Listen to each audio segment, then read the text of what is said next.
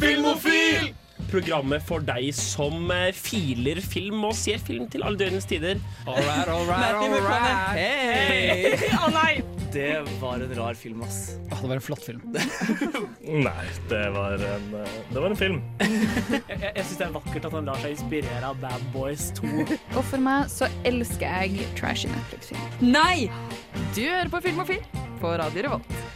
Hasta la vista, Ja. baby.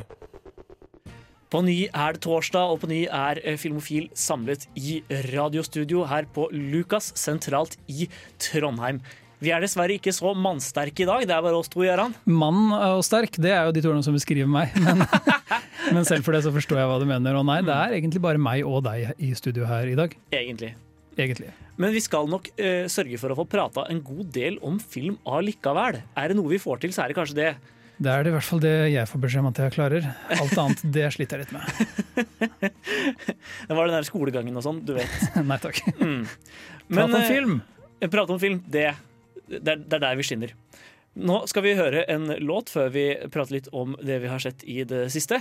Eh, Vi skal høre Marbles med Woman, som blir her på Radio Revolt. Radio Revolt. Du lytter til Filmofil på Radio Revolt. Og jeg står her med deg, Jaran. Du har sett på. TV-serier TV-serier du i det siste. Nå spoiler du veldig her, men Ja. det, det har jeg. Eh, Vi prater ikke bare om film på film og film. Av og til så Hvem skulle trodd? Nei, men det er ikke du og jeg som er best på å se serier her. Så det er Det er det liksom, ikke. I hvert fall eh, ikke jeg. Nei, men jeg hadde tenkt at jeg skulle ta det litt tilbake. da så, um, For det første så, så jeg ferdig Alt er byrå. Fordi jeg har fullt jevnlig, og det siste sesong gikk nå. Jeg liker det veldig godt. Og, og så var det litt sånn Å nei, nå har jeg ingen fast ting på én time som jeg kan se når jeg vil se en, en rask ting sammen med kjæresten min. Men Alex Garland, mannen bak Eksmakene, som i hvert fall er en av mine favoritter fra um, dette tiåret. Ja. Uh, sånn, en skikkelig god lavbudsjetts sånn liten sci-fi-film. Som vant Oscar for beste visual effects. Og hvorfor ikke, for det var gode spesialeffekter i den filmen. Det var ordentlig bra. Jeg var skikkelig De gjorde Alicia ble, Vikander gjennomsiktig. Ja. Jeg, jeg, ble, jeg ble skikkelig positivt overraska det året da både den, eller da den vant og Cuba and Two Strings var nominert. Det, Ja. var liksom et, det var et veldig spesielt år for visual Effect-prisen til Oscarene. Men Nok om det. nok om det, fordi Alex Garland har laget en serie sammen med Den er i hvert fall ute på HBO. Det kan godt hende det ikke er de som har laget den. Jeg har egentlig ikke fullt delt med. Jeg tror FX-logoen dukker opp. Mm. Um, den heter Devs. Som eh, for deg som er en diger nerd, August, vet at mest sannsynlig henviser til developers, eller utviklere. Jau. Og det, den er liksom satt til en sånn uh, I en nær fremtid, skjønner du. Hvor det er sånn, teknologien ligner på det vi har i dag, men den er litt futuristisk. Så er det en rar, Litt som i Eksmaken, da. ja, så er det en rar Silicon Valley-fyr som bor alene inne i skogen. Litt som eksmakene. Eh, som har uh, eh, sånn tykt skjegg og, og litt sånn eh, rar personlighet, spilt av um, Nick Offerman fra Parks and Recreation. Uh, hvis du har sett uh, den? Jeg har ikke sett det. Nei, okay. Men han er en artig fyr, da, men her er han ikke en artig fyr. Ok, Han, han, dri, han driver ah, Uartig fyr. ja, det er en uartig fyr som driver et stort tekstselskap. Og deres ting er kvante. uh, quantum computations. De, de ser på, på kvante liksom, teknologi i, i datamaskiner. Og de er blant annet Vi møtte liksom hovedpersonen vår i første episode. Han er i ferd med å, å få til en algoritme som kan predikere oppførsel basert på data om nature and nurture. ikke sant? Så det kan vi se inn i fremtiden, bare ved hjelp av kunstig intelligens og, og alt det der. da. Det er på en måte, De leker seg litt med det, men så skjer det en ting. Allerede i første episode, jeg vet ikke om jeg, hvor mye jeg kan spoile, men på en måte, ikke alt viser seg å være helt det du forventer. Der, da, så bytter serien på en måte hovedkarakter veldig fort. Og så blir det Vi vet allerede hva svaret på mysteriet er, men, men hun damen som prøver å finne ut av hva som har skjedd, hun vet ikke. Så vi følger på en måte henne. Og så er det også hva, er, hva jobber de med på Devs, er det store spørsmålet. Men jeg er bare fire episoder inn i en åtte episoder lang sesong. Allerede tror jeg dette er et show som burde vært en film. Det er litt for langt, skjønner du? Ja, det kan jeg godt tro på. Det er litt for sånn over, overfylt, og det er bare sånn Se på settdesignet vårt for ørtende gang! Og, så er det sånn, og, det er masse sånn religiøse Jesus-referanser som gjør meg litt ukomfortabel. Jeg liker ikke å begynne å blande Jesus og, og, og datateknologi. Du skal ikke leke Gud, Jaran. Nei, men det er liksom det de prøver å si, da. Og det blir så veldig heavy-handed. Så jeg er ikke helt sikker på hva dommen er på Devs, men det, inntil videre så er det sånn Jeg hadde håpet for, no, for noe mer litt, litt sterkere for Alex Garland. skal jeg være. Ja, jeg tror det er en sånn serie som hadde irritert meg ganske mye. Bare fordi Eller jeg, jeg, jeg blir ofte fort irritert på sci-fi som ligger på en måte for nært oss. Ja, det, det er noe med den derre fordi- Å, de kunne hatt den teknologien om fem år-greia, liksom. Ja. Ja. For når de går for den, så har jeg så, i så stor grad mulighet til å plukke det fra hverandre ofte. Mm. Det er sånn Kvanteberegninger vil gjøre veldig mye rart, men ikke det. Måte, det, er- det er sånn vi vet. Ja. Eh, Så, så jeg blir alltid irritert når den typen plottpoeng brukes i, eh, i, en, i en kontekst hvor det på en måte blir for enkelt til at jeg kan plukke fra hverandre hullene. Ja, for her sier du på en måte at kvanteberegninger da, kan brukes til å se både fortid og fremtid. Og så er det litt sånn Vi må ikke bruke dem til å se inn i fremtiden. skjønner du? Det er litt sånn, «Ah, Vi må passe oss nå for ikke bli for gudaktige. Og så Ja. kommer Nick Offerman og er sånn Men jeg vil gjerne se datteren min igjen. Altså, ja, For hun Ja. er død. Whatever. Så ja, jeg, jeg kommer nok til å se det ferdig, men uh, akkurat nå så er det litt sånn Det, det bare føles for overmetta. Det burde vært en film på tre timer, kanskje. tror jeg. Ja. Ikke åtte timer lang uh, show. Det er så trist at den tretimersfilmen ikke går an å lage lenger. Vanskeligere og liksom- vanskeligere, egentlig. Ja. Hvis ikke du har lyst til å være Martin Scorsese. Ikke sant? Men nå må vi høre en låt. Vi skal høre Kaka, Kako Simon med Foul. Hei, jeg heter Stig Frode Henriksen. Hei, jeg heter Sahid Ali. Hei, jeg heter Evy Kassett Røsten. Hei, jeg heter Alexandra Aurebekk Nilsen. Og du hører på Filmofil! Velkommen tilbake til Filmofil, eller nok en episode av August og Jaran prater film. August og Jaran og fil. Det hørtes veldig annerledes ut. Jeg tar det tilbake. Ja, det, jeg, jeg, vi, er, vi, er, er ikke der helt ennå. Men eh, jeg har også sett et par filmer den eh, siste uka. Mm. Fikk Hva, hva er de filmene du har sett den siste uka, August? Eh, de filmene jeg har sett den siste uka Ok, hva er det, hva er det jeg har sett siste uka? Jeg har, eh, jeg har vært en tur på kino. Det skal vi er prate om seinere. Eh, og så har jeg også eh, sett en film av Steven Soderberg, som vi kanskje kommer tilbake til eh, etterpå. Eh, Aaron Brockovich. Eh, og den filmen jeg har lyst til å prate om nå, eh, det er eller, Før det, jeg har faktisk også sett en liten miniserie. denne, ah, serie, uka? serietid på Filmofil. Ja, nei, det- var, ikke, det var bare tre episoders, da. Men eh, det var eh, eh, en eh, liten dokumentarserie om noen som drev et eh, barnehjem for sjimpanser i Liberia. Og det høres koselig ut. Det var veldig koselig. Ja. Eh, Du fikk noen bilder av sjimpanser som hadde det kjipt, men veldig mange bilder av sjimpanser som bare lekte eh, og sov i senga til noen og var teite. Så det var, det var fin trepart som ligger ute på NRK hvis noen er gira på det. Apebarnehagen, tror jeg det het. Mm. Eh, men jo, den filmen jeg har lyst til å snakke om nå, eh, det er en jeg fikk låne av deg her for et par uker siden, nemlig Brain Dead av Peter Jackson. Jeg er så glad for at du singlet den ut selv, at jeg ikke måtte pushe den på deg. For min erfaring med Braindead er at den må pushes på folk. Men du var sånn 'den kunne jeg godt tenke meg å se'. Jeg var sånn, ja, se den.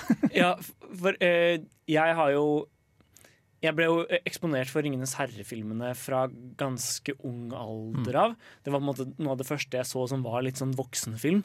Eh, og jeg elsket det jo dypt og inderlig. Det, det er fortsatt noen av mine absolutte favorittfilmer gjennom tidene. Og eh, på grunn av det så har jeg på alltid hatt Og, og jeg har sett veldig mye på uh, sånn behind the scenes-filmene til uh, Ringenes herre-produksjonene, og har man en ganske klar formening om hvem Peter Jackson er som type. Mm. Men jeg har sett veldig få av filmene hans. Jeg har bare sett det han har lagd i ettertid. Da. Jeg har bare sett King sånn, Kong og Hobbiten. King Kong og Hobbiten og The Lovely Bones, den med Saoirse Ronan i hovedrollen. Um, men jeg, jeg på en måte jeg, jeg, jeg, jeg jeg tidlig på Da jeg hadde oppdaget IMDb, så begynte jeg å sjekke ut liksom, hva er det han har gjort før, og så fant jeg Brain Dead. Uh, og, og var sånn, så noen bilder fra den og, og, og lurte på hvordan i alle dager fikk denne mannen budsjettet til å lage 'Ringenes herre'? Og når jeg ser, så filmen nå, så stiller jeg meg selv fortsatt det spørsmålet. Mhm. Det var en herlig opplevelse, ass! Den, den er sånn ekte splatter på aller beste vis. Det er sånn på en måte den aller morsomste filmen jeg hadde sett i, på skrekkfilmfestival noen gang. Ja, eh, det den er veldig den. Den er eh, røff i kantene og fullstendig ute av kontroll. Men, men filmspråket er så utrolig energisk. Du, det var en sånn energiboost å se, fordi selv når de skal gjøre en enkel scene, så er det skikkelig liksom driv i kameraarbeidet. da. Men jeg tror vi kommer litt foran oss selv her nå. Hva. Skal vi fortelle folk hva Braided handler om? For dette er en obskurfilm. Ja, det, det, det er jo det. Nei, Premisset er at en fyr um, som bor alene sammen med moren sin, Lionel! Lionel, blir sjekka opp av, den, eh, av jenta i den lokale butikken, som får vite av sin sånn, sigøynermor eller noe sånt, at, at, hun skal, at, at han er på en måte hennes eh, skjebne, eh, skjebnebestemte partner. Mm. Eh, og så går de i dyrehagen, og mora hans hun blir veldig eh, stalker Eller hun blir litt Hun er sånn veldig sånn kontrollerende. og veldig obsessiv, og, og uh, begynner å følge etter de i dyrehagen, hvor de har en eh, såkalt rat monkey, som eh, viser seg å være slik at hvis du blir bitt av den, så blir du til en zombie. Ehm, og eh, det skjer jo da med denne moren. Og derfra eskalerer det egentlig bare. Ja. Altså, He- helt, til, helt, til det er, helt til hele huset hans er fullt av zombier, og han må eh, storme inn med gressklipperen. han, han har på en måte både mommy issues som må løses Ja. i løpet av filmen, og så oppstår det en familiekonflikt etter at moren tilsynelatende er død, som han må på en måte få løst på en eller annen måte. Mm. Og så har han et, kjærl et kjærlighetsplott som skal utspille seg, Lionel. da. Og Ja. han er en veldig keitete fyr til å begynne med. Ja. Og han, han snubler seg så mye gjennom dette. Og så har Peter Jackson befolket filmen med masse sånne rare bikarakterer. Det er en prest som kan karate som dukker opp inni der. Det var det beste øyeblikket. I kick ass for the Lord! This case Stay back, kid. This case needs divine intervention. Det er altså sånn, sånn, Ut av ingensteds så kommer han og eier den filmen i to minutter. Men også etterpå, når han blir en prestezombie som er hyperkåt på en uh, sykepleierzombie. Så får de et zombiebarn sammen. Ja. Nei. Men til tross for måte, at den filmen er fullstendig bananas, så vet den jo at den er det òg. Ja, den føltes som på en måte eh, Psycho møter Poltergeist skrudd opp til 11. Ja, eller hvis du har sett uh, Nei, den kom kanskje etter den, Return of the Living Dead. Som er en sånn slags uh, veldig mørk uh, komedietake på Night of the Living Dead igjen. Jeg vet ikke. Men, ja. det, men det er jo det er på en måte Gørren som virkelig gjør det til noe mer minneverdig, hvis du spør meg. da. Du har på en måte et, en tarm forfølger en av karakterene våre i en lengre periode av filmen. Og det er bare sånn ekkel, våt tarmmonster, sånn liten sånn dokke som lager en lyder mens den Ja. drar seg Den er- langs bakken. Den er litt som en alien. På en måte. og, og så har du Det er jo det Peter Jackson virkelig kunne. Han kunne filme og gjøre spesialeffekter. Mm. Skjønner du? Det er nok du merker de har- herre Det er det han bringer til Ringenes herre også. Ja, virkelig, virkelig gode fysiske monstre. Det er det som mangler så veldig i Hobbiten-filmene. Mm. Eh, Ringenes herre-universet føles både ekte på litt samme måte som Braided gjør det. Det føles Eh, sånn- ganske bebodd. Ja, av noen sånne virkelige karakterer som er der ute, og er kjemperare, riktignok. Men ah, for min del så var det nok rett og slett bare det, det, det utrolig høye energinivået som liksom gikk gjennom hele filmen og bar den framover. Jeg, jeg koste meg fra ende til Anbefaler den til alle som har litt sterk mage. Litt sterk mage. Nå skal vi høre en ny låt, nemlig Magnus Beckmann med 'Uneasy'.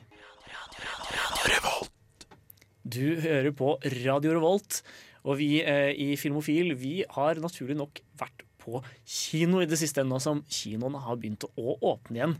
Det, det var litt festlig, egentlig, for vi hadde begge bestemt oss for å dra på kino med våre respektive kjærester på lørdag. Ja, vi, vi møttes bare i kinomørket, I foajeen.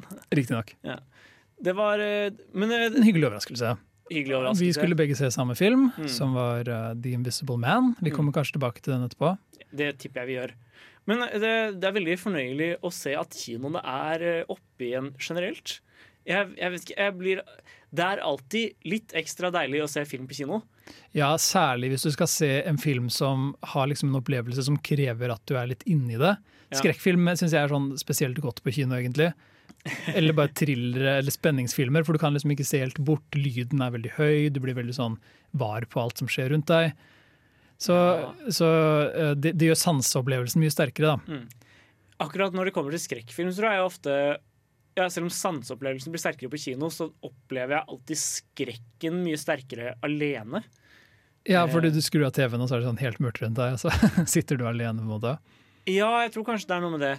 Ja. Eh, og, men også det at jeg blir mye mer selvbevisst når jeg er med folk, uten at jeg nødvendigvis mm, tenker over det. Så du er ikke Eller det du er, du er jo ikke August den typen som skvetter i setet når det skjer noe sånn Jo, jeg, jeg er egentlig det, Ja, okay. men jeg er litt Men jeg, filmer pleier å være så tydelige på når man skal skvette, at jeg på en måte klarer å, la, eller klarer Ja, altså, å distrahere meg selv nok. Blir man, blir man virkelig skremt, så skvetter man uansett. Men Ja. poenget mitt er at du er på en måte ikke den som viser de reaksjonene sterkest. Fordi Nei. de reaksjonene du viser sterkest, det er de når du blir litt ukomfortabelt sosialt. Ja, det, det viser jeg veldig sterkt. Det skjedde jo til og med under The Invisible Man. Det var på en måte det største Det øyeblikket som fikk sterkest reaksjon fra deg, var når Elisabeth Elizabeth Moss gjorde noe litt uh, dustete, Ja, som satte henne i en enda dummere posisjon. Da var du sånn Å nei! ja da, da, det, det, det traff meg mye hardere enn de skumle delene av filmen. Så den filmen har både skrekk for de som vil skvette, og, og litt sånn sosial keitethet for de som For de som syns det er fælt. Mm. Ja. Men uh, hvordan syns du opplevelsen av kino i uh, smittevern øh, under smitteverntiltak var? Jeg syns det er leit at kinoene ikke kan ha alle folkene i salen. Men som en som blir sint når salen er fullstappa, Ja. så er det så digg at de er tvunget til å ha under halvfull sal. Ja. Selv om det er leit for kino, så er det sånn kjempedeilig. Annenhver rad er stengt, så, og det er liksom, alle bare setter seg langt fra hverandre. Og, og, og er liksom litt stille. Ingen, alle er redde for å hoste. det er i hvert fall jeg. Jeg måtte hoste, så var det sånn Jeg har popkorn i halsen, men jeg skal ikke hoste. For da kommer det, skal Da blir jeg kasta ut. det, kommer, det, det kommer ingen til å like. Selv om ingen hadde brydd seg. Men ja, Så jeg um, må nesten si at for de av dere som liker å sitte i kinosetet, men syns de andre folka er litt slitsomme, så har det aldri vært bedre ting for å gå på kino akkurat nå. Det er faktisk veldig sant. Jeg tenkte over det på Cinemateket også, for der er det faktisk sånn at det er eh, På, på eh, Trondheim kino så får man jo lov til å sitte ved siden av hverandre hvis man er fra samme husstand. Mm. Um, men på Cinemateket så var faktisk to og to kinoseter sperra av Så du får alle armlenene. Ja, du får begge armlenene, og du vet at det ikke kommer til å sitte folk ved siden av deg. Så du kan legge liksom jakka di i setet. Ja, det er, det er på en måte reelt mye bedre plass der. Altså sånn, hvis jeg ikke hadde dratt på kino med noen for tida, så hadde det jo dette vært liksom drømmetida å, å være på kino eh, under, særlig på Cinemateket. Ja. Det er altså sånn det kan bli veldig stappa og Der blir det mye trangere også. ja, Hvis det først er stappfullt på Cinemateket, så er det litt sånn litt dårlig Eller så føles det, litt, føles det reelt trangt. På en annen måte enn det gjør på kino, bare fordi det er litt mindre De har andre seter. Ja. Så, så nei, det anbefaler alle å dra på kino nå hvis man liker å kunne sitte litt i fred og ro. Men nå skal vi høre en ny låt, nemlig Isaac Hayes med, eh, med tema fra Shaft. Kanskje en av de beste filmlåtene noensinne skrevet. August. OK. Eh, Hei, det her er Dag Johan Haugerud. Jeg heter Torbjørn Harr. Og jeg heter Yngve Sæther. Jeg heter Jan Gunnar Røise. Og du hører på Filmofil! Du hører på Filmofil, hei. Og, hey. eh, og eh, som vi nevnte før vi hørte eh, temaet fra Shaft, så har vi vært på kino denne uka, Gjeran. Mm. Dessverre så vi ikke Shaft. Vi så ikke Shaft. Vi så The Invisible Man. Og hva var, hva var det du liksom Hva var det du så for deg da du gikk inn til den filmen? Um, eh, jeg hadde egentlig bare sett eh, plakaten og kanskje sånn deler av en trailer på Facebook. Mm. Fordi jeg visste allerede at jeg ville se denne filmen. Så jeg, jeg, var for, jeg, jeg så egentlig for meg drøyt det vi fikk. Denne mm. Skal liksom du svare før vi begynner å prate om hva filmen handler om? Eller? Nå skal jeg begynne å legge ut om liksom, det at den handler om uh, et, et sånn uh, toxic forhold. Mm. Og det at den, den er en mye mer sånn subversive take på en allerede etablert IP, The Invisible Man, i den grad han, han er, det, Med IP som mener intellectual property, for de som ikke ja, vet det. ikke internettadresse, Nei. eller sånn hva de kalles. Uh, så jeg tror egentlig jeg var ganske forberedt. Det var greier at The Invisible Man bryter ikke ny, nytt territorium. Den går Nei. veldig gjenkjennbart Altså, det er de samme gamle tropene du har sett før, da. Mm. Det, det var en twist der som jeg var litt sånn Oi, ja, OK, det, okay det, ja, filmen er ikke ferdig ennå. Mm. Men, uh, men i det store og hele så er det på en måte bare en lettere subversjon av The Invisible Man-konseptet. Mm. Mer enn at det er en banebrytende ny skrekkfilm. Men budsjettet er minimalt, August. Å ja. Og, Det så ut som en dyr film, liksom. aha, og det er litt det jeg gleder meg til. Å se regissør Lee Vanell, som åpenbart kan jobbe med små budsjetter, gjøre magien sin på nytt. Mm. Etter Upgrade, som er en film jeg virkelig likte. Ja. Upgrade er jo et, et mesterverk av en uh, sci-fi Lavbudsjett sci-fi. Ja, av sånn nyere sci-fi så, så er det et nytt take på action, og det er det så sjelden man ser, da. Mm. Men det var et par sånne øyeblikk i The Invisible Man òg, de her steadycam hvor kameraet liksom beveger seg med karakterene. Men hva, er- hva er, det, hva er plottet i filmen, Jaran? Vi må forklare det også før vi kommer for langt det går her. Ok, så eh, åpningsscenen er egentlig hele plottet. Mm. La du merke til det? Vi åpner på Elizabeth Moss, som spiller Cecilie, eller hva hun heter. Ja, Cecilia. Cecilia.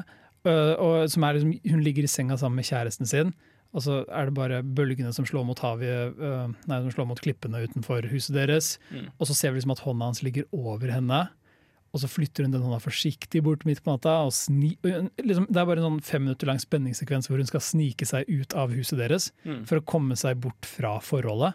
Mm. Og, og det, er, altså det er det filmen handler om. Hun er et skikkelig dårlig forhold hun bare vil ut av. Og så uh, viser det seg at kjæresten hennes er Tony Stark.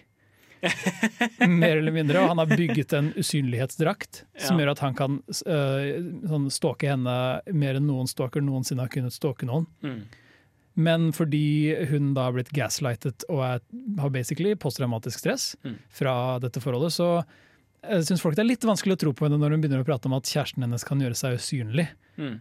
Bare for å ta hevn fordi de slo opp. Ja. Og jeg, jeg tror det er det som er filmens styrke, er jo på en måte det at den prøver å Eller det, en av filmens styrker i hvert fall er jo det at den, den har noe den har lyst til å snakke om. Ja, Det hjelper å handle om noe mer enn bare bø, skummel mann. Ja, det, det hjelper så veldig. Mm. Og, og det å snakke om dårlige forhold i en skrekkontekst kan funke veldig veldig bra. Altså, det har vi sett noen gode eksempler på de siste åra, med uh, Midtsommer, blant annet. Ja. Ja. Så, så jeg, jeg syns det aspektet ved filmen funka ordentlig godt. Og utover det så hadde den også noen utrolig gode sånn, visuelle ideer.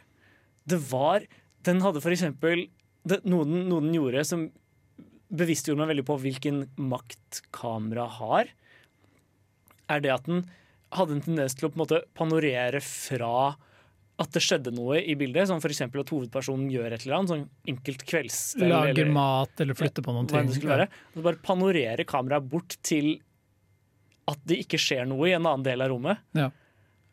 Og det får deg til å det, det, det, det, får deg til Det skaper en slags sånn urolig følelse av at det burde skjedd noe der, siden kameraet sendte deg dit. Men, Ja, det men så skjer det ingenting der. men det funker på en måte bare fordi filmen heter The Invisible Man, så du, kommer Ja. all, du klarer ikke å gå inn i filmen uten å vite at det er en usynlig mann i filmen. Mm. Og, og det så vi på de folka som satt på raden foran oss, at folk liksom lente seg litt fram. Og de, de, de lette etter noe i bildet. Ja. Fordi, fordi som du sier, det signaliserer så tydelig at Kanskje han er her! Wow! Ja.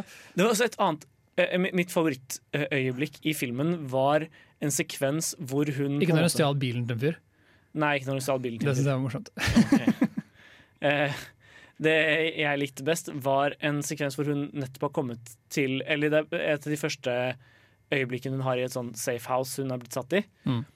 Hvor hun eh, skal vekke dattera i huset, og hun står og steker bacon. Ja. Og så står kameraet bare tydelig plassert, så vi ser hele kjøkkenet. Ja, det er bare liksom låst kameraet ned. Ja. Master shot. Ehm, og så går hun ut av bildet, og så ser vi en kniv falle på bakken. Og så ser vi at panna med baconet gradvis tar fyr. Mm. Og innen karakterene kommer tilbake igjen, så har den stått i full flamme. Og, Kjøkkenet begynte å brenne, liksom. Og så å nei, shit, å, var det et uhell? Glemte jeg å skru skru ned varmen? eh, ja, og så sier de sånn Kanskje, kanskje det fortsatt er spiselig, men som en liten vits. Mm. Um, og det var så det var så utrolig god måte å måte implisere noe mens vi så alt som foregikk. Jeg, Ja. jeg likte det kjempegodt. Også, eh, men det er på en måte de åpningsbitene, Mm. og så skalerer filmen derfra gradvis til du endelig får på en måte Det er så lang spenningsbygging, Mm. og så til slutt får vi et skikkelig godt, deilig klimaks. Både i forhold til sånn action og vold, Mm. og så har vi et lite ekstra klimaks på slutten her, som jeg virkelig elsket. Ja, som, som bare tok seg av den følelsesmessige avslutningen på filmen. på en måte. Mm. Det, var, det var en god sjangerøvelse, rett og slett. Uten tvil, jeg anbefaler Invisible Man sterkt. Yes. Nå skal vi høre Bobby Womack med 'Across 110th Street' her på Radio Revolt. Som nevnt så har vi vært på kino og sett The Invisible Man. Eh, en- Hvor kan han være? Ingen vet han er usynlig. Ikke sant. Eh, men i hvert fall eh, varm skrekkfilmanbefaling, eller thriller kanskje, fra, fra oss. Ja, Å selge den som en ren skrekkfilm det kan hende skuffer noen skrekkfans og holder noen folk som ikke er glad i skrekkfilm, borte. Det er mye mer en god thriller. Ja, den, den kunne spilt mye hardere inn i skrekkelementene sine enn den gjorde. Det er ingen som dør Eller det er noen som dør en grusom død, men det er på en måte ikke sånn ah, blogger og, og masse jumpscares. Mm. Det er et par gode jumpscares, men de er som regel uh, ganske Mm. greit bygd opp til. Ja. Men eh, vi, vi begynte å diskutere i stad at dette er en del av en større helhet på en veldig veldig merkelig måte. Det er egentlig et ganske stort nett å, å plukke fra hverandre her. Ja, fordi i det siste så har det blitt en greie å eh, revitalisere gamle slags sånn franchiser. Mm, eller intellectual properties, som vi nevnte tidligere. Ja. Som er eh, en, måte, en eller annen idé som er brukt i en eller annen film eller lignende tidligere. Um, og noen av de som har hatt lyst til å gjøre noe stort ut av dette, er Universal. For de har hatt rettighetene til en haug med gamle monsterfilmer som ble laget på 30-tallet. Ja. Og som på en måte er kultklassikere den dag i dag. Men også filmhistorisk viktige. Ja. Universal-monsterne, som de selv på en måte kalte det, ble noe mye mer. Vi må jo ikke glemme at de faktisk er ansvarlige for noen av de første crossover-filmene noensinne laget. De, hadde, de lagde Frank Dracula, Mm. Frankenstein, Mumien, eller The Mummy, uh, The Wolfman Mm. og The Invisible Man. Og flere av disse fikk oppfølgere, inkludert The Invisible Man. Og så, eh, rundt 40-tallet, så begynte de å lage sånn Dracula møter Frankenstein, og Dracula og Frankenstein møter Ulvemannen. Og så kom også de to populære komikerne Abbott and Costello Ja. inn i miksen. Og så var det filmer som Abbott and Costello meets The Wolfman. Uh, sånn ordentlig Noen av de første crossover-filmene noensinne laget. Ja. I hvert fall det Universal fant ut at de skulle gjøre for noen år tilbake, var å lage et sånn storskala crossover-univers à la Marvel-universet, nærmest. Med disse monstrene. Og det er en så utrolig absurd og rar idé i utgangspunktet. Ja, men det var derfor jeg var litt gira på den. Ja, det hadde vært veldig spennende å se hva det eh, utvidede universet hadde blitt seende ut som på sikt. Dessverre skjedde jo eh, Mumien med Tom Hanks. Tom Hanks, faktisk. Det Ja, hadde, Hanks, eh, det hadde vært Cruise. en film, det. I, I can't help it, I'm a mummy. det er min Tom Hanks-etterligning. Eh, men uh, i, i hvert fall den, den filmen er jo eh, en eh, analyse i seg selv verdig. Den er La oss si at den fiaskoen begynte da traileren ikke ble lagt ut ikke ferdigklippet med lyd. Mm. og så gikk det bare nedover derfra. Ja. Eh, den, den er en så utrolig dårlig film. Men du ser veldig tydelig hva de har ønsket seg. Ja. De har ikke ønsket seg å bygge på det som er skrekkfilmrøttene til monsterkarakterene. Nei, De har lyst til å lage Marvel bare med Mm. monster, Universal Monster-karakterer. Altså, tanken var Mumien er det rette stedet å begynne, fordi alle likte den actionfylte Brendan Frazier-remaken. Den Ja. hvor, hvor det er litt sånn Indiana Jones-aktig Mumien-film. Ja, fra 1999. Mm. Den er, mange har et softspot for den, da, inkludert meg.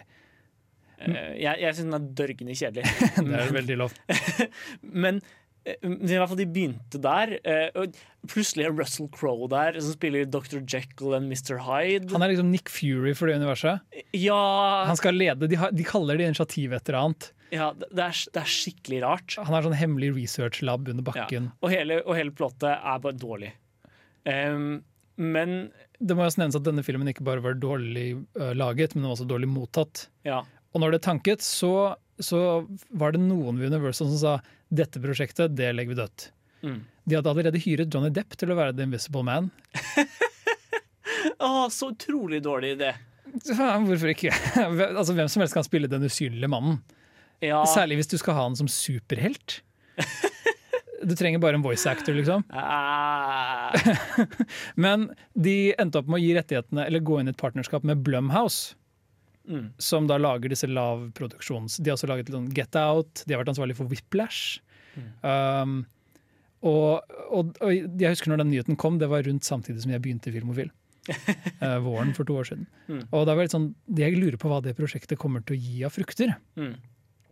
Og, og det å gå inn i The Invisible Man med kunnskapen om alt som ligger bak Alt som har ført opp til denne lille, litt sånn ubetydelige filmen, egentlig. Mm. Og den blir på en måte bare dumpet ut der.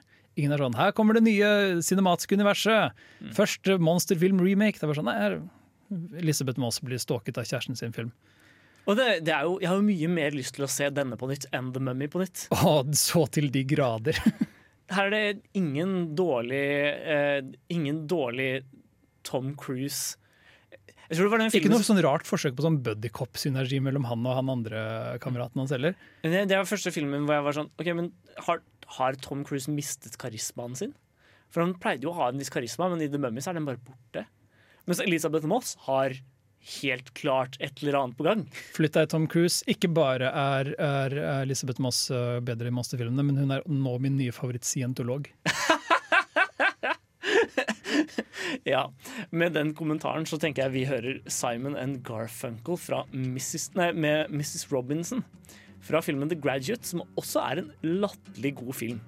Men så ja, den, kanskje vi skal snakke om den etterpå. Det var gøy. Hei, jeg heter Roar Uthaug, og du hører på Filmofil på Radio Revolt. Du lytter til Filmofil, og eh, vi hørte nå eh, Simon and Garfunkel med Mrs. Robinson. Og den er jo kanskje aller mest kjent for eh, Eller det er, det er en kjent låt i seg selv, men den er jo opprinnelig skrevet som filmsoundtrack. Ja, da. Ja, det er egentlig litt artig historie hvis du skal prate om måte, uh, hvordan musikk og film kommer sammen. Mm. Fordi øh, Nå kan denne trivieren min er koblet feil, men når øh, regissøren bak øh, Er det Mike Nichols? Jeg tror det. Ja, bak The Graduate øh, tok kontakt med Simon Garfunkel og var sånn Dere skal lage musikk for min Eller det var vel for så vidt Simon Garfunkel jeg pratet med. Mm. Så var det liksom, dere skal lage musikk for min film. Har du noe? Kan ikke du sende meg noe? Og så tror jeg jeg fikk svaret sånn Ja, vi driver og skriver en sang om, om, om Mrs. Kennedy. Denne sangen skulle Mm. egentlig handle om Kennedy-klanen. Oi! Og du merker det litt hvis du hører deler av teksten som kanskje ikke er endret. Uh, Where have you gone, Joe DiMaggio? Going to the candidates debate. De, typen, det er sånne små uh, biter der inne. Jeg vet ikke, jeg. Og jeg har ikke sett for mye inn dette. Men denne låta skulle visstnok handle om, uh, om Jackie Onassis Kennedy. Et eller annet punkt inni her. Hmm. Um, men så sa, ble vel avgjørelsen at nei, nå handler den om Mrs. Robinson. Fordi når jeg hører på denne låta, så, så skjønner jeg ikke hva den har å gjøre med Mrs. Robinson-karakteren i filmen. Nei. For, ja, Vi kan jo prate om det òg, da. Hva filmen handler om. For de som ikke har sett den, det er jo en klassiker. Det, og det er, det er en overraskende god film, bare til det jeg har sagt. Mm. Den er, den, det, er en del sånn Å ja, dette er en eldre klassiker fra sent 60-tall. Eh, det, det er mange av de filmene som er litt dølle å se nå. Men Mrs. Robinson Nei, men, eh, ja, men The Graduate er virkelig ikke Eller manndomsprøven. Ja, Manndomsprøven, som det heter på norsk. Den, den er ikke på den lista. Den, er, den føles som et den er, Det rett og slett et ordentlig godt drama. Men jeg tror noe av det har, har litt å gjøre med at den er fra sent 60-, tidlig 70-tallet. Fordi det var da på en måte Hollywood sitt studiosystem hadde kollapset litt. Ja. Og alle filmstudioene var litt sånn hals over hode etter bare å finne ut hva liker ungdommene! Mm. Og da kunne noen liksom slippe inn med noe sånn Jeg har en kunstnerisk visjon, og kanskje ungdommene liker den. og The Graduate handler så veldig om på en, måte, en del temaer som Hollywood-filmer egentlig ikke hadde hatt lov til å prate om på en god stund. Mm. Uh, for den handler om en ung mann som er ferdig på college, spilt av Dustin Hoffman. Eller han er i ferd med å graduere, vet dere, uteksamineres. Mm. Uh, og han vet ikke helt hva han skal gjøre med livet sitt, liksom. Og så er han, han er egentlig bare litt rotløs, men han er rotløs på en sånn kjedelig uh, middelklassemåte. Ja. Hvor han bare flyter rundt i svømmebassenget og, og, og prøver å flørte med en jente og bare henger litt rundt. Jeg er ikke helt sikker på hva han skal gjøre. Uh, og så ender han opp i et forhold med et, et slags sånn Han blir elskeren til moren til hun han liker. Mm. Litt fordi det virker som moren vil holde han unna datteren sin. Det er, veldig, det er merkelig hvordan det forholdet på en måte utvikler seg også. Mm. Men eh, og, det, og det virker som det er, det er veld, i veldig stor grad hans seksuelle oppvåkning. da Det forholdet til Mrs. Robinson. Um, men det kompliseres jo veldig med en gang han begynner å faktisk flørte med dattera også. Ja, og det begynner, de, Han begynner å date henne, men så Mm. er det litt sånn 'Jeg har ikke lyst, lyst til å ligge med deg mer, Mrs. Robinson.' Så er det sånn mm, 'Men jeg har litt makt over deg.' Og så blir det keitete og Ja. rart og vanskelig. Det er egentlig en ganske klein film. Det er en veldig klein film, men, men på en måte som er såpass fjern for meg at, eh, at det, jeg tolererte det ganske bra. Du har ikke ligget med så mange av mødrene til kjærestene dine? Nei, så det blir mer, sånn, det blir mer en interessant sånn Hva ville skjedd da? Eh, enn, det, en det ble en sånn eh, Å å nei, nå dør jeg fordi det er for kleint. Vet du hva jeg tror? Jeg tror at jeg ville tjent på å gå tilbake og se The Graduate. jeg. Mm. Bare fordi både du og jeg er litt i den posisjonen som den karakteren er i. Sånn snart i ferd med å bli ferdig på Ja. Hvor skal man hen nå, liksom? Mm. Ikke det at vi ligger masse eldre damer, men du skjønner. Ja. Og, Også, og den er jo også kjent for sin veldig legendariske slutt. Mhm. Eh, den, En av de mest ikoniske filmsluttene. en av de mest ikoniske filmsluttene, bare fordi den eh, den, den, den holder deg skikkelig på pinebenken rundt hvorvidt det egentlig var en god idé, det de har gjort eller ikke. Ja, Det, det, det føles disse ti minuttene som du skal få en lykkelig slutt. Ja. Og så har filmen, Det er akkurat som den Inception-snurrebassen på slutten. Ja. Inception, som er litt sånn, Hadde vi bare kuttet ett minutt tidligere, så hadde du fått den slutten du ville ha, men Mm. nei. Nei. Ah, Men nå er det på tide å høre mer musikk. Vi skal høre Coolio med 'Gangstas Paradise' her på Radio Revolt. Du lytter til Filmofil på Radio Revolt, og her diskuterer vi eh, ymse film og lignende. Stemningen i studio er øh, veldig veldig løs akkurat nå. Veldig løs. Eh, så det, det er litt dårlig med rød tråd i dag, Aran.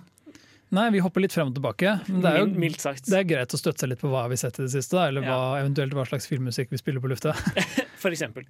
Men eh, apropos ting vi har sett i det siste, så tenkte vi kunne snakke litt om en filmskaper jeg så en film av denne uka, nemlig Steven Soderberg. Han er en sånn fascinerende skikkelse i Hollywood. Um, han på en måte I den grad han uh, omtaler seg selv som i Hollywood. Ja, han er veldig opptatt av å ikke være i Hollywood, har jeg inntrykk av. Mm. Men det er jo fordi han kommer fra altså, Han var en av de tidlige som drev med indiefilm på slutten av 80-tallet og til 90-tall. Ja, han, han var jo litt med på den nye bølgen av amerikansk indie. Mm. Da han slo gjennom uh, i Cannes med Sex Lies and Videotapes. Ja, jeg, jeg tok meg selv i å tenke på det da jeg så Erin Brockovich, som var litt sånn Å, det er gøy å se litt sånn tidlig Steven Soderberg når han ikke hadde helt utvikla filmspråket sitt ennå. Så tenkte jeg på at men shit, dette var ti år etter at han vant, Gullpalmen. Ja, han, han, han braka så veldig gjennom da, og det var liksom samtidig som sånn Uh, masse annen sånn Generasjon X, uh, Clerks og alle disse andre Mm. indie-filmene var ute og, og skapte en ny bølge med amerikansk Reservoir. Dogs. Absolutt. Det, det er rart å tenke på at det er en indie-film, for den Mm. er så eh, sånn A-listekastet fordi så mange av de skuespillerne slo gjennom i ettertid. Ja. Er Eller var avdanka når den filmen ble laget, Mm. men Tarantino visste hvem de var. Så Men ja, Steven Soderberg. ja. Han, han eh, lagde i hvert fall denne Sex Lies Videotape i eh, 1989, som vant Gullpalmen da. Mm. Eh, og så har jeg ikke egentlig noen god formening om hva han dreiv med på 90-tallet. Nei, som en, som en fyr som er ganske glad i Soderberg, så må jeg få lov å si helt ærlig at jeg Akkurat den, den perioden hans er litt eh, borte for meg også. Men i hvert fall sånn, i 2000 så hadde han et veldig stort år. Fordi han lagde to filmer det året som, jeg, som begge hadde stort Oscar-buzz. Han lagde både eh, 'Traffic', med Benicio, eller så, så, film som handler om eh, dop og dopsmugling, og at etterspørselen di dikterer hva, hva som skjer av smugling og sånne ting. Det var et sekund der hvor du vurderte hvorvidt du skulle pitche den som filmen med Benicio del Toro eller som filmen om dop. Ja, men i hvert fall den har Benicio del Toro i en av de viktige rollene. Han vant vel Oscar beste mannlige hovedrolle, tror jeg. Selv om det er litt rart å kalle det en hovedrolle. En film som er sånn tydelig nettverksfilm. Ja, Den har på en måte like stor vekt på hans fortelling som den har på Michael Douglas sin fortelling. Mm. Som har mistet dat dat datteren hans er stukket av med en langer. Mm. Men i hvert fall den forteller forskjellige historier relatert til rus. da. Eh, samme året så lagde han Erin Brockovich, som jeg fikk somla meg til å se nå denne uka. Som handler om en dame sin kamp mot Eller det handler om en dame som eh, er skilt fra sin ektemann nummer to. Og som ikke har mer penger igjen til å forsørge sin eh, familie på tre. Eh, eller forsørge sine tre barn. Og som plutselig, sånn på slump, ender opp med å klare å krangle seg til en ansettelse hos et advokatbyrå. Og plutselig bare begynner å gra grave i en sånn tilfeldig sak hun har funnet. Eh, og, og innser at oi, her er det et eh, kraftselskap som har aktivt eh, lurt befolkningen i nærområdet, eh, slik at alle sitter og er eh, akutt kromforgifta og har massevis av helseplager pga. det. Eh, sånn tre forskjellige typer kreft hver og sånne ting. Eh, og hun bare Hun viser seg å ha teft for det, da, å snakke med folk og grave i ting. Så plutselig så har hun bygget en hel eh, sak, litt sånn på egen hånd, mot dette, mot dette kraftselskapet, da. Som omsetter for mange milliarder i året. Og dette er en sann historie. Det er basert på en sann historie også. Mm. Og ikke, det, det var egentlig Det er en ganske enkel film sånn sett. Den handler egentlig bare om hvordan hun prøver å bli tatt seriøst. eh, både i arbeidslivet og på privaten. da. hun dater en sånn biker-type som ender opp med å sitte og, sitte og passe på barna hennes store deler av tida mens hun eh, prøver å bli, jobbe som advokat. Det er jo for så vidt ikke den vanlige Hollywood-fordelingen av kjønnsroller. da. Nei, og jeg syns eller Det var noe av det jeg liksom satt igjen med som positivt ved filmen. Den er, den, er, den er morsom, den har veldig god dynamikk mellom henne og han advokaten hun jobber for. Mm. Eh, eh, han var vel også nominert til Oscar for beste mannlige birolle. Julia Roberts vant for beste kvinnelige hovedrolle. Um, men, men også det at den hadde så artig kjønnsrolledynamikk, da. Um, han, eller hun, hun får hele tiden spørsmål liksom, ja, men skal du ikke være hjemme og ta deg av ungene dine. Og hun var sånn Nei, for første gang i mitt liv blir jeg tatt seriøst profesjonelt. Jeg skal gjøre dette nå.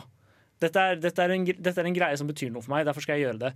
Men sånn biker-fyren, han er sånn han sitter hjemme og passer på ungene, og hans definerende karakteristikk er på en måte at han er så utrolig snill og jovial. Han er ikke en karakteristisk tøffing i det hele tatt. Jeg vet ikke, Det var bare deilig at det var kjønnsrolledynamikken for en gangs skyld. Ja. Vi kan sikkert prate mer om hva Steven Soderberg har gjort i etterkant, etter at vi har hørt Air med Playground Love og Cat Stevens med If You Want To Sing Out, Sing Out. Hi, it's Tony DeCino here, writer and director of The Furies, and you are listening to Film O I anledning at jeg hadde sett en film av Steven Soderberg, så fant vi det beleilig å prate litt om han, for han er en fascinerende skikkelse. Og, men vi, vi nevnte at vi ikke hadde sett noen av 90-tallsfilmene hans. Men Eller, det altså, innså vi at vi hadde, vi hadde gjort begge to ja, Nå prater vi litt over hverandre, men vi hadde begge to sett Sex Lives and Videotapes, Ja. som måtte være hans debutfilm, og eh, som jeg tror jeg har et litt bedre forhold til enn deg. Det har du sikkert. Jeg liker i hvert fall James Spader så godt i den filmen at han på en måte gjør hele den filmen for meg. Men jeg, så sa jeg at jeg hadde glemt Jeg hadde ikke noe forhold til det andre han gjorde, men jeg har sett en annen film han gjorde i august. Mm. Og den har jeg lyst til å fortelle deg bitte litt om veldig fort, for den heter Out of Sight. Mm. Og, og den er litt interessant, for det er en slags sånn neo-noir-thriller om at George Clooney er en bankraner som rømmer fra, fra fengsel. Og så kidnapper han um, på en måte sånn parole-officeren sin, eller hun som skal eh, ta han inn. da. Mm. Og så prøver han å rømme over eh, statsgrensen. Og så har de bare så utrolig god seksuell Eller ikke bare seksuell kjemi, da, men de har så god kjemi generelt. Det er, George Clooney er så kul. Er liksom sånn George Clooney midt i 30-åra. Skjønner du hva jeg mener? Ja. Han var enda ikke sånn gammelmannskul, han var litt sånn ung og hipp, faktisk. Og det er litt rart å se nå. Uh, så den filmen blir nesten som en, sånn, en blanding av neo-noir og en moderne screwball-komedie. Og, og det er en det er ganske gøyalt uh, konsept, egentlig. Så den vil jeg anbefale folk å sjekke ut. Noe som er verdt å anbefale, er jo rett og slett uh, gode, gamle Oceans Eleven. For det var det han gjorde rett etter Traffic. Og Aaron Brockovich, samme år med de to. Ja, og så Året etterpå gjorde han uh, Oceans Eleven, og så gjorde han Solaris. Som er liksom fire filmer på tre år. Det er ganske intenst, ass. Det er det, men jeg tror, jeg tror måten han produserer på og jobber på, på måte, Han er ikke en fyr som trenger å ha de store produksjonene. Nei. En haug med stjerner, et godt manus og bare gi fyren et sted å filme. Ja, men, men jeg tror allikevel det å filme fire filmer på eh, tre år er slitsomt arbeid. Jo, uten tvil. Mm. Men det er også noe med, som vi pratet om i stad, uh, Erin Brockovich og Traffic var på en Mm. måte i hvert fall kritikerroste hiter. Ja, Og så året etter kommer Oceans Eleven ut, som er en sånn skikkelig publikumshit. ja den, den har så mye energi, den filmen. Den har både veldig mye energi og er liksom En ting er det at den er øh, Den bare liksom kaster seg fremover. Mm. Som om hele filmen er en eneste lang montasje. Nærmest. Men, men det er også noe med hvordan den er så utrolig gøyal, fordi den virkelig Den handler bare om at de skal planlegge én jobb, skjønner du? Ja. Og, og du har, det er sånn vi må, ha en liten, vi må ha en liten akrobat som passer i denne boksen, så vi kan få den inn der. Og så må en fyr trille den boksen inn på akkurat det. er sånn, Men, og det, det filmen gjør som er så genialt, er at du hele tiden føler at du vet hva de skal gjøre. mm, Men så vet du aldri hva de skal gjøre. Den klarer å lure deg. Ja, på en måte som er veldig imponerende. Ja. ikke, det, det, det, var i hvert fall en, det, var, det er i hvert fall en ordentlig ordentlig bra film. Kan jeg bare fortelle en, kom en digresjon om første gangen jeg så eh, litt av Oceans Eleven? Eh, jeg var liten og bare switcha rundt på TV, og så så jeg liksom George Clooney som, drev og, som var inne på et kasino. Og så hadde jeg ikke skjønt forskjellen på krutonger og skjetonger. Så jeg skjønte ikke hvorfor han kjøpte så utrolig dyre liksom, brødbiter. Betalte så mange tusen kroner for brødbiter, så jeg var litt urimelig. Er du sulten, så er du sulten. Ja, ikke sant? Men i hvert fall, Oceans Eleven er en utrolig, utrolig engasjerende film. Jeg tror, jeg tror det er fordi den ble en franchise bestående av tre filmer og til slutt en, en spin-off Mm. for i fjor eller noe. Oceans 8. Ja. Som er Nå teller vi feil vei, liksom. nå, nå falt alt tallene 11, 12, 13, 8. Mhm. Så, tror den, så tror jeg Oceans 11 er glemt litt for hvor utrolig solid den er. Mm. Og eh, det var gøy å se, som en som egentlig liker alle Oceans-filmene og Steven Soderbergh generelt. For et par år siden så kom han tilbake til heist-sjangeren med, med Luck, Logan Lucky. Ja. Som er, handler om Daniel Craig og Adam Driver som skal rane en NASCAR, eh, et NASCAR-race. Og den òg altfor lite undersett. Nei, Alt. altfor alt undersett. Ja. Altfor lite sett. Den er utrolig energisk og gøyal, den òg. Kanskje det er noe til eh, spalten din om undervurderte filmer? Den er, er på lista. Mm. Nå eh, skal vi, vi skal prate litt mer om noen nyere Steven Soderbergh-filmer etter at vi har hørt eh, Disney-karakterer som synger I've Got a Dream. My name is Václav Marou. I'm a Czech producer, screenwriter, director, and you are listening Film Film. Vi har nå endt opp med å ta en aldri så liten sånn eh, prat om Steven Soderbergh. Vi, vi følte ikke helt vi ble ferdig eh, før vi hørte disse låtene. Nei, Hver gang vi fullfører en, en runde med prat og begynner å spille låt, så, så er det sånn Hva skal vi prate på? Og så fortsetter vi bare å prate om Steven Soderberg. så vi tenkte vi skulle slippe dere litt inn. For en av de konklusjonene jeg trekker, er at til å være en regissør som jeg respekterer så mye, Mm. så er folk skremmende lite var på han. Og jeg er litt redd for at Steven Soderberg skal dø før folk begynner å hylle han som en ekte autør. og det, det orker jeg ikke. Det klarer ikke hjertet mitt. For Mm. han, denne rare lille mannen fortjener eh, mye mer respekt. Ja, eh, vi, når, vi, når jeg kikka gjennom filmografien hans nå, så innså jeg plutselig hvor imponerende en del av de periodene han har hatt, har vært. Mm. Vi pratet jo om tidlig 2000 nå i stad. Tidlig 2000, hvor han i løpet av fire år lagde fire ordentlig interessante filmer på rappen. Både Aaron Brockovich og Traffic og uh, Oceans Eleven og Solaris. Remaken av Tarkovskijs Ja, for det finnes en amerikansk remake av Tarkovskijs Solaris av Steven Soderberg, som alle har glemt. Men i tillegg så hadde han en tilsvarende imponerende epoke som på tidlig eh, Rundt 2010. rundt 2010. I 2011 så lagde han eh, både Haywire, som er en sånn utrolig sterk indie eh, martial arts-film med Gina Carano, som er ekte uh, mixed martial arts-kvinne i hovedrollen. Hvis du liker en litt sånn stripped down actionfilm med mye energi og, og veldig sånn enkle uh, setups, på en måte, Ja. så er Haywire noe av det beste du kan finne der ute. Altså, den, det er en sånn actionfilm folk har glemt. Og det, er, det er så deilig å se folk som faktisk vet hva de driver med i, slåsse, eller i, i actionfilmer. Mm. Hun, Gina Carano er et veldig godt eksempel på det. Hun har spilt store ting i ettertid, men alltid mye kjedeligere enn i Haywire. Hun er dø skikkelig døll i Deadpool. Um, Ja, men liksom, du må vite hvordan du skal bruke folk. Ja. Og det gjør Soderberg, og det ser du også når han valgte å, bruke den andre delen av 2011 på å gi, gi ut Contagion, som er som hans retur, retur til nettverksfilmen. ja, filmen som har blitt blant de mest nedlastede i disse dager. Og Contagion har vi pratet ganske mye om, den kan du finne i hvert fall tre andre sendinger vi har pratet om. Men vi Vi er, hadde en sending om sykdommer på film tidlig Mm. dette semesteret som føles litt smakløs nærmest nå. Eh, men den er verdt å gå tilbake til å høre på. Jeg tror vi snakka fint om sykdommer. Mm, og Contagion, som vi alle er veldig glad i. Ja. Men den han lagde i tillegg som vi ikke har pratet så mye om, er den andre sånn nettverks-ish-filmen Side Effects. Mm. Som er eh, litt samme greia, men den handler om Big Pharma. Ja, den handler om en eller annen, et eller annet dop som Eller en, en eller annen eh, Ikke dop. En Drug ble plutselig oversatt til eh, Mm. dop i mitt hode. Men en, eh, et medikament som har leie side effects. Ja, og så er det litt sånn hvordan kunne dette skje? Mm. Og, og, og hva slags effekter har de på folk? Men filmen er jo bunnsolid, den òg. Men den er mye mer Den, den er like glemt som Contagion var før viruset, Ja. før korona gjorde den aktuell igjen. Så nå må vi, må vi vente til noen begynner å ta et dop med uheldige si- sideeffekter, eller en medisin med uheldige sideeffekter, Mm. før denne filmen blir aktuell også. Fordi, Sikkert. Sjekk ut Contagion. Den som, den Nei, som aldri slutter å være aktuell, det er Magic Mike, som også lagde i samme periode. Ja, Er det- noe som alltid forblir aktuelt, så er det mannlige strippere. Særlig uh, Channing Tatum. Så, altså, vi kan kødde så mye vi vil om at de gutta er halvnakne gjennom hele den filmen, men det er altså en knallgod film, August. Jeg har ikke sett den ennå. Nei, jeg tror du vil like den. altså, fordi En ting er det at den har ja, den er gøyale strippsekvenser, og det var en film du kunne selge til sånn middelaldrende damer sånn 'Kom og se gutta!' Men den handler om de sårbare menneskene bak uh, strippingen. Og senest i fjor så lagde han jo en av dine eh, fjorårsfavoritter, High Flying Bird. Absolutt. Også en kjempesterk film. Han droppet jo liksom Hollywood-pastisjen litt etter Magic Mikers. Mm. eh, og bestemte seg for å, å han, han gjorde et par andre ting. Han gjorde en HBO-spesial om uh, Liberace. Men så bestemte han seg for å jobbe med iPhone, filme på iPhone. Mm. Og High Flying Bird er liksom desidert den beste han har laget der, da, for Netflix. Det er Steven Soderberg, spennende fyr. Sjekk ut filmene hans. Nå skal vi høre en låt av ei dame vi er veldig fan av, nemlig Doja Cat, med låta 'Juicy'. For et program i burra med både klasse og stil. Du hører på Filmofil. Ja, og her på Filmofil i kveld så er det tross alt Kristi himmelfart. Man skulle kanskje ikke tro det, basert på hva vi har pratet om til nå. Det har vært ganske gudløst.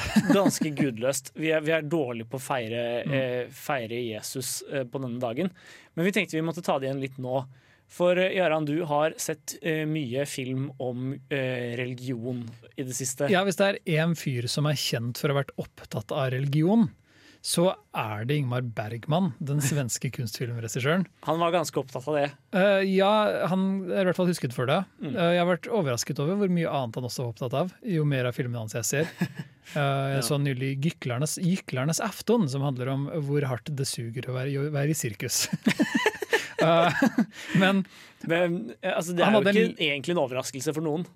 Nei, men det var noe med hvor utrolig mye det skulle suge òg, da. Ja, okay. uh, men uh, i, i løpet av min nå snart to uker, nesten tre uker lange Bergman, uh, jevnlige Bergman-titting, så har jeg gått gjennom mer eller mindre hele den perioden han brukte på å, å prate om organisert religion, også hvor på en måte det eksistensielle spørsmålet som er hvordan skal jeg leve når jeg ikke vet om Gud finnes eller ikke? Mm. Og den viktigste biten av hans øre som måte takler det, er det som kalles trostrilogien. Som er uh, tre filmer. Det er uh, hva det du sa, Så som en spegel, Nattverdsgestene Og tystnaden. og Tystnaden. Alle disse tre filmene former på en måte en større diskusjon om religion. Og hvis du bare begynner med Så som en spegel, da, så er det veldig spennende å se hvordan den begynner som et drama om mental helse. Men Ja. så innen det er slutt, så har han på lurt Gud inn der. Det er, det er veldig typisk Bergman å lure inn Gud der. Mm. Men, men jeg syns dramaet i Sånn som i en spegel fungerer kjempegodt på egne bein òg, da. Ja, det, det er jo det viktigste Det er viktig å si med Bergman generelt, er at han skriver som regel veldig sterke og gode karakterer. Mm. Så selv om filmene hans handler om noe, så lar han aldri han, liksom, tematikken overta dramaet. Og det, lille- den lille familiedynamikken mellom uh, hun som er kommet tilbake fra sinnssykehus, og ikke helt sikker på hva som er årsaken til problemene hennes. da Mm. og mannen hennes som hun, De klarer ikke helt å kommunisere. Hun er jo gift med Max von Sydow. Og, og det at måte, alt kommer fra å ha hatt en fraværende farsfigur på en eller annen måte. da. Alt det er på en måte veldig godt familiedrama til å begynne med. Og forholdet hennes til sin yngre bror. Mm. Eh, Som har veldig veldig lyst til å få oppmerksomhet fra pappa. Akkurat det er litt sånn Hvis han faren er en slags, slags gudeskikkelse, da, Mm. så blir den yngre broren veldig tydelig en surrogat for menneskeheten. i hermetegn. for Bergmans sjøl. Ja, Det siste den ø, broren sier i filmen, er altså 'Far snakket til meg'. Og det er sånn OK. Men det er, det er noen Det var en dialogsekvens fra den filmen som på en måte traff meg så veldig, som Mm. er den når hun sitter og snakker om hvordan vi alle lever inni våre egne lille bobler, og hvordan plutselig når noen pirker borti de, så, så bare kollapser hele verden rundt oss. Um, og det er det, Jeg vet ikke det, det, det, det at han klarer å si det på en måte som gjør at jeg føler det, det er så Ja. imponerende. Nei, jeg ø, har på en måte, tror jeg forstått kjærligheten til Bergman bedre jo lenger jeg ser det, med at Mm. alle karakterene hans er alltid så ærlige om følelsene sine. Og han klarer å formidle det med en slags sånn sympatisk varme. Mm. Aldri med en sånn uh, ironisk avstand. Og det, og Han er ingen Michael Haneke, liksom. Nei, ja, det, han er på ingen måte Han er så lite enn Michael Haneke, og det er så deilig. Mm. For Michael Haneke er alltid for kul for alt som skjer. Mens Ingvar Bergman er så veldig, veldig med der, og til tider er det litt sånn Sånn som i Det, det syvende seilet, som også, eller The Seventh Seal, som Ja. også handler om både hvor digg det er å leve, men også hvor slitsomt det er å lure på om Gud finnes eller ikke. Mm. Også sånn, det blir litt for hard self-inserting til tider, men allikevel så føler du veldig med alt som Max von Sydow slites med der. Ja. Det var det jeg overraska meg mest over da jeg så den. At jeg var så følelsesmessig invest- investert i denne filmen. Men det, det, det han gjør der spesifikt, som jeg er, det er den følelsen av å konstant utsette det, det som han vet skal skje. Mm. Han skal dø, men han bare ber om liksom litt mer tid konstant. Mm. Han klarer liksom å klamre seg til bitte litt mer tid. Og det er der jeg tror du virkelig føler med han. tenker vi diskuterer litt mer Bergman etter at vi har hørt en låt til, nemlig Paul Williams med 'The Hell of It' her på Radio Revolt. Hei, jeg er eh, Agnes Kittelsen, Og jeg er Aksel Henning, og det er viktig at uh, dere hører på Filmofil. filmofil. Her på uh, Radio Revolt under Kristi himmelfartsdag så snakker vi om trostrilogien til Ingmar Bergman. For den har du sett nylig, Aran. Ja, jeg har det, og det føles riktig. Mm. Fordi uh, vi er begge to, eller jeg er i hvert fall ateist, og jeg regner med at du ikke er sterkt troende. Og Ingmar Bergman var selv heller ikke veldig sterkt troende. Mm. Og det kommer så tydelig fram i disse filmene. Fordi vi vi prater litt om Han virker som han er ganske hard agnostiker. Mm, ja, det vil jeg påstå. Men han plages litt med det. For Ja. jeg, tror, jeg tror han som veldig mange andre av den generasjonen er oppdratt kristne. Mm. Sånn som du ser Martin Scorsese sliter konstant med det òg, at han har lyst til å uh, avsi, uh, avsi Gud, Mm. men han er redd for at moren hans skal bli sint, eller noe sånt. um, så fordi vi pratet om Så som i en spegel i stad, Mm. Som måtte en ender med en slags sånn konklusjon på at det finnes en form for Gud. Mm. Enten det er en ondsinnet edderkoppgud som ønsker å penetrere deg, eller om Gud er kjærlighet, er ikke helt avklart. Men det er noe sant. Ja. Men uh, den filmen som kommer etter, som heter 'Nattverdsgjestene', som ble laget liksom rett etterpå, Mm. som handler om en prest som sliter med troen sin og er forkjøla. uh, den er på en måte det nøyaktig motsatte av natur. Den har ingen illusjoner om at Gud fins, og at vi må bare Mm. opprettholde dette tomme skallet av organisert religion. uh, ja, den er, den er ordentlig sånn Den er ganske tung, altså. Men det som er fint med den, er at det fortelles som en slags Ikke kjærlighetshistorie, men du har denne presten, han sliter med at kona hans ble tatt fra han. Mm. Og så er det en ung kvinne som kommer til han etter den den nattverden han har holdt. da.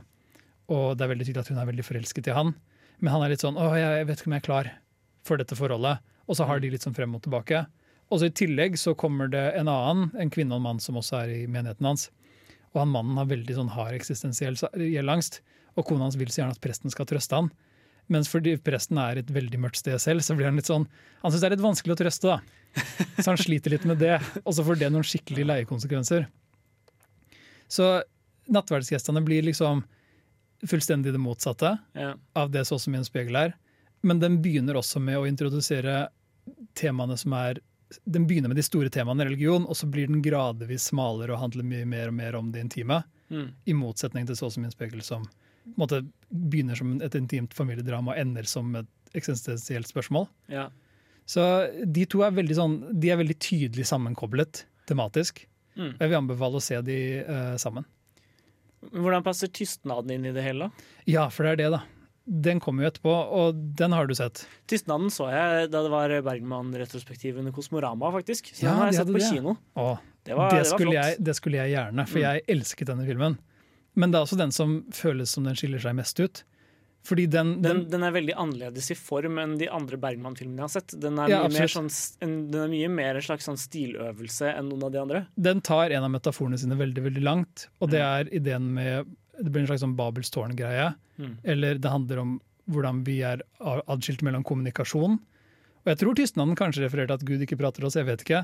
Men det blir, det blir ekstra, ekstra tydelig Det blir ekstra, ekstra tydelig når nesten ingen prater gjennom hele filmen. Nei. Og nesten alt språket vi hører er uforståelig babbel. Mm. Og, og det, det gjør den så annerledes, fordi det er ingen som noensinne bringer opp Gud i, disse to, i tystnaden. Nei.